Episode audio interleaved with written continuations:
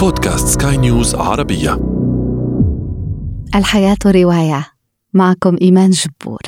المتاحف عنوان الجمال والفن والثقافة تحضر في كل الروايات التي نتطرق إليها اليوم. متابعة طيبة. الحياة رواية. إذا كان هناك واحد من بين مليون زائر يعني الفن له شيئا ما فهذا يكفي لتبرير وجود المتاحف. بكلمات الرسام الفرنسي غنواغ نستهل حديثنا عن المتاحف. قصة حب أودعها صاحبها سطور الكاتب التركي أورهان باموك. فرواها الأخير بضمير المتكلم. باستثناء الصفحات الثلاثين الأخيرة حيث خلع الكاتب عباءة شخصية كمال ليحكي لنا عن لقائه بكمال بطل متحف البراءة.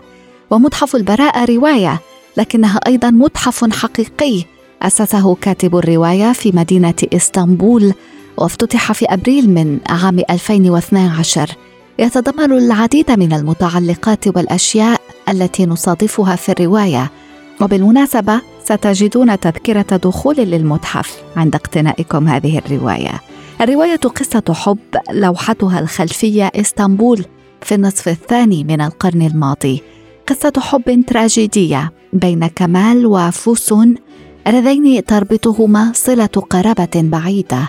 Sometimes Aunt Nesibe would ask, Shall I fill your glass, Kemal Bey? Sometimes I would say, Shall we have a look at your paintings, Füsun? And we would go into the back room, and as Füsun and I looked at her painting, I realized this was the time when I was always happy. رواية يملأها الحنين والغياب، رقيقة وقاسية في آن، تمتزج في سطورها ثقافة وتقاليد المجتمع التركي وتطلعاته. نقرأ فيها المتاحف الحقيقية هي الأماكن التي يتحول فيها الزمن إلى فضاء ليس هناك شك في أن قوة الأشياء تكمن في الذكريات التي تحتفظ بها بقدر ما تكمن في أهواء ذاكرتنا وخيالنا.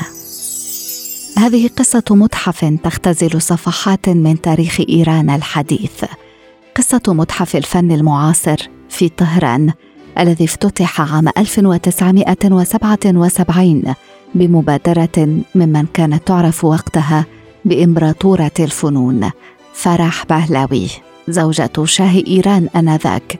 والتي أرادت المساهمة في تحديث بلدها من خلال افتتاح متحف يكون بمثابة جسر بين الشرق والغرب يجمع بين التحف الإيرانية والغربية. في رواية Le Gardien de Téhéran أو حارس طهران تستعيد الكاتبة والصحفية الفرنسية ستيفاني بيريز الأجواء المحمومة لافتتاح المتحف حين كانت إيران ترقص على بركان.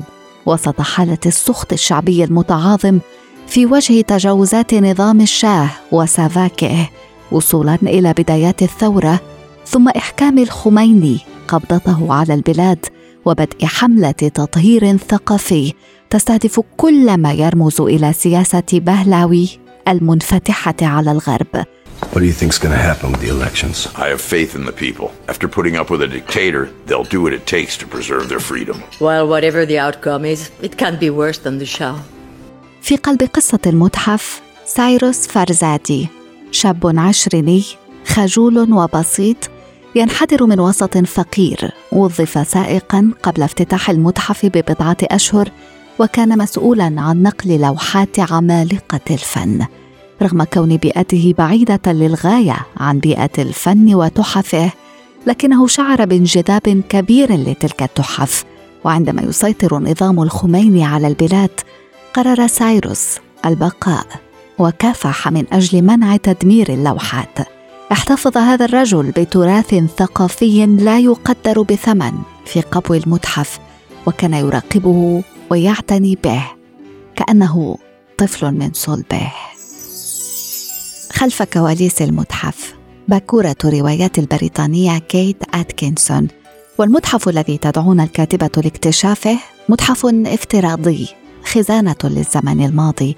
تخفي الذكريات وتحفظ الأسرار والأموات. قصة تمتد على عقود بين أجيال عائلة إنجليزية.